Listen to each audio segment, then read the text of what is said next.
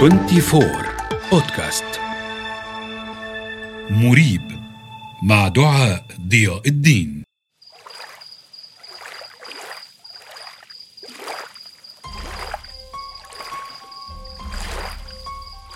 جزيرة مهجورة لا يجرؤ أحد على الاقتراب منها بسبب الاعتقاد الشائع بأن ثمة لعنة وصمتها. أين هي وما قصتها؟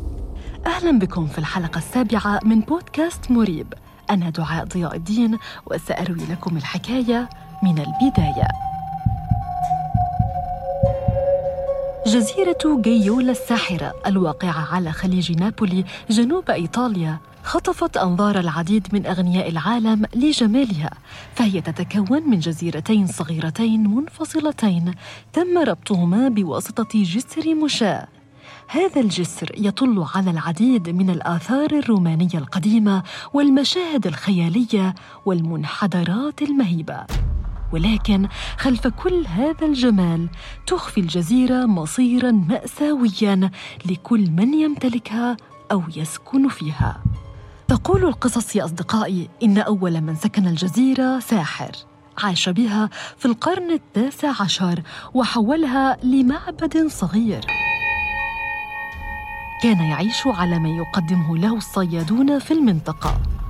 لكن الأحداث بدأت في القرن العشرين بعدما شهدت الجزيرة سلسلة حوادث موت غامضة عجز الجميع عن تفسير أسبابها وكيفية حدوثها.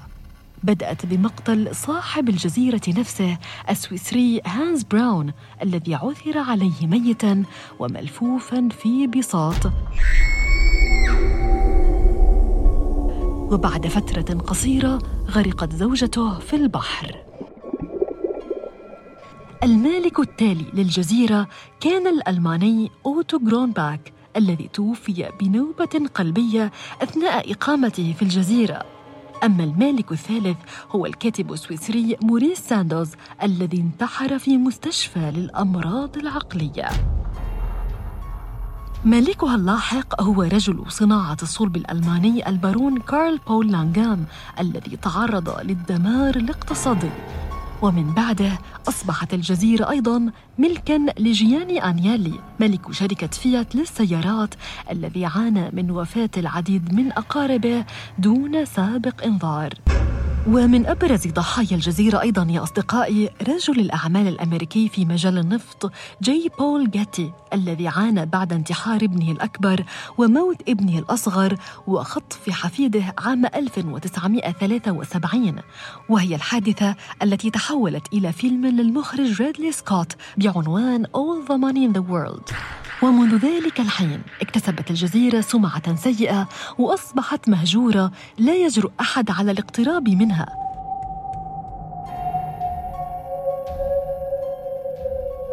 ولكن لم يقتصر الأمر عند هذا الحد.